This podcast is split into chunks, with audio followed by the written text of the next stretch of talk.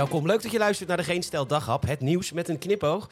Met vandaag Bye Bye België. Studenten worden niet begrepen en dat klopt. En Frans Klein is een echte workaholic. Mijn naam Peter Bouwman en dit is het nieuws van vrijdag 2 december.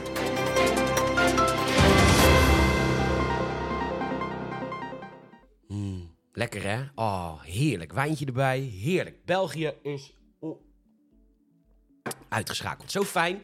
Sinds 1830 onafhankelijk en dat ging eigenlijk altijd wel goed. Leven en laten leven. En ik moet zeggen, dat komt vooral door de Belgen zelf. Want het kwam vooral door de Belgen zelf. Die hebben zich 190 jaar bescheiden opgesteld tegenover de Nederlanders. En is maar goed ook, want België is veel, maar vooral een net niet Nederland. En dat alles is prachtig samengevat in de speculoos. Kleine opfrissing. Speculoos is speculaas, maar dan zonder de lekkere specerijen. Kaneel, nootmuskaat, cardamom. Zeg maar alles wat speculaas lekker maakt, dat gebruiken ze in België niet. Want ze hadden de mindere kolonies. Die hadden wij, de goeie. Zij hadden de Congo. Ja, prima voor een diamantje of wat maar is dat hetzelfde als witte peper of gemberpoeder? Probeer maar eens op een diamant te kauwen. Is niet lekker en levensgevaarlijk. Nou ja, en dat is slechts één van de voorbeelden. Net niet Nederland. Ja, maar zij zijn zo goed in taal. Ja, vind je het gek? Als je zelf woorden gaat bedenken. Ambetant. Zeg gewoon vervelend, man. Of ja, of zeg dat je een eigen taal hebt. Maar nee, in Vlaanderen zeggen ze gewoon Nederlands te spreken. Ja, doe dat dan ook in plaats van het steeds buigen met de regels tot je wint. Eerlijk win je namelijk nooit België, totdat ze opeens goed werden in voetbal. En langzaamaan of nou ja, langzaamaan, op 190 jaar bescheidenheid ging het best snel. Zeiken op het Nederlands elftal op de Belgische televisie. Als eerste begonnen de Nederlanders op de Vlaamse televisie. NSB'ers als Jan Mulder. En ja, ook ik moest het opzoeken. Die leeft dus nog. Die zit in België te verkondigen dat het Belgische voetbal toch echt een toekomst heeft. En niet het Nederlandse. En dan huilie-huilie gaan doen. Als hij straks kaal geschoren langs een Nederlandse en weg om chocolade staat te bedelen. Of Mark de Grijze. Wel een Belg. Die zit een beetje te roeptoeteren over het oranje zonder glans. Terwijl als iemand geen recht van spreken heeft. Ik heb PSV nog in een bomvolle kuip namens Mark de Grijze de beker zien weggeven. Maar amai, eindelijk het Belgische elftal. Debi uit Qatar. En nu kunnen ze eindelijk weer gaan doen waar ze als natie echt het best in zijn nederig zijn.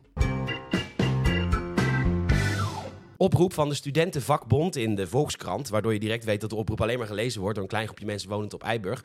De studenten voelen zich niet gesteund door de generatie die opgroeide met de lusten van de fossiele economie. Prima. Jullie leraren voelen zich niet gesteund door jullie, omdat ze bij het simpelweg stellen van een verkeerde vraag op non-actief worden gesteld, omdat jullie er altijd voor kiezen om gekwetst te zijn. En de grote meerderheid van de natie voelt zich niet gesteund, omdat ze vooral door jullie transfoob worden genoemd als ze een vrouw een vrouw noemen. Of racist als ze het toch wel een beetje druk vinden worden in het land. Of racist als ze zeggen dat een groep jongeren die met een Marokkaanse vlag in de hand wijken sloopt van Marokkaanse afkomst zijn. Of discriminerend als ze verzetshelden helden noemen. Omdat, en dat staat vandaag ook in die schitterende Volkskrant, verzetsmensen ook queer waren en van kleur waren en soms aan de drugs.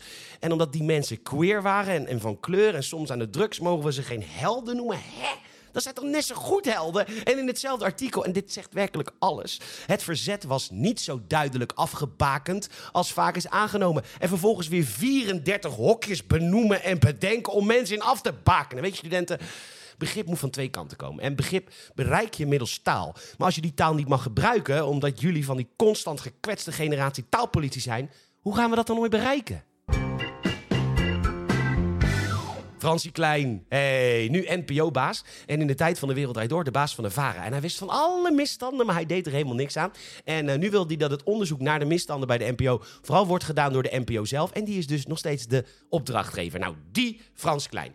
Die zou zijn functie hebben neergelegd totdat het onderzoek is afgerond. Neerleggen van de functie en niet stoppen, want dan kun je nog wel gewoon die 2 ton per jaar aan belastinggeld binnenharken. Maar goed, nu blijkt dat hij toch gewoon aan het werk is. BNR Nieuwsradio ontdekte dat. Hij was vorige week nog lekker in Londen bij een beurs genaamd Content London 2022. Lekker joh. Een beursje bezoeken met een toegangsprijs van 1300 piek. Vliegtuigje, hotelletje, om er op de hoogte te blijven van de nieuwe trends in televisieland. Wat een vakman is het ook, hè? Hij zou daar ook gezegd hebben dat het neerleggen van de functie slechts tijdelijk zou zijn. En u vraagt zich natuurlijk af, hoe kan hij dat nou weten? Ja, ik weet ook niet. Ik heb ook geen idee hoe hij dat kan weten. Allebei schitteren ze deze maand op een WK. Andries Noppert als keeper van het Nederlands elftal en Danny Noppert op het WK darts. Maar ze zouden, ondanks dat ze allebei uit de komen, geen familie van elkaar zijn. Nou, Omroep Friesland heeft dat dus even uh, onderzocht. En wat blijkt nou? Ze zijn dus wel familie. Kut! Moeten die twee gedacht hebben. Afgelopen maand heeft Danny zijn dartpijl nog in de goal van Andries gestout. Ze opeens familie. En dan moet Danny straks bevallen van een downkindje. Maar Peter, dat zijn twee mannen. Die kunnen toch helemaal geen kinderen krijgen? Ja, vraag dat maar aan de studenten van de Volkskrant. Dat dacht ik ook. Maar ja, ik heb nog nooit een opleiding afgerond. De Russische president Poetin zou van de trap gevallen zijn. Zijn stuitje zou zijn gekneusd en hij zou zichzelf beveld hebben, zoals te lezen in de Telegraaf. En nu komt de geruchtenmolen natuurlijk gelijk weer op gang. hè. Hij zou heel ziek zijn, hij zou kanker hebben. Terwijl de man kan toch ook gewoon van de trap gevallen zijn. Mijn ex-vriend viel ook constant van de trap en die scheet ook altijd in zijn broek als ik binnenliep. Bedankt voor het luisteren. Je zou ons enorm helpen. Mond-tot-mond reclame. Vertel even iemand over deze podcast. Zo kunnen we groeien. En dat doen we ook middels eh, reviews. Die kun je achterlaten. Zowel bij Apple Podcasts als bij Spotify.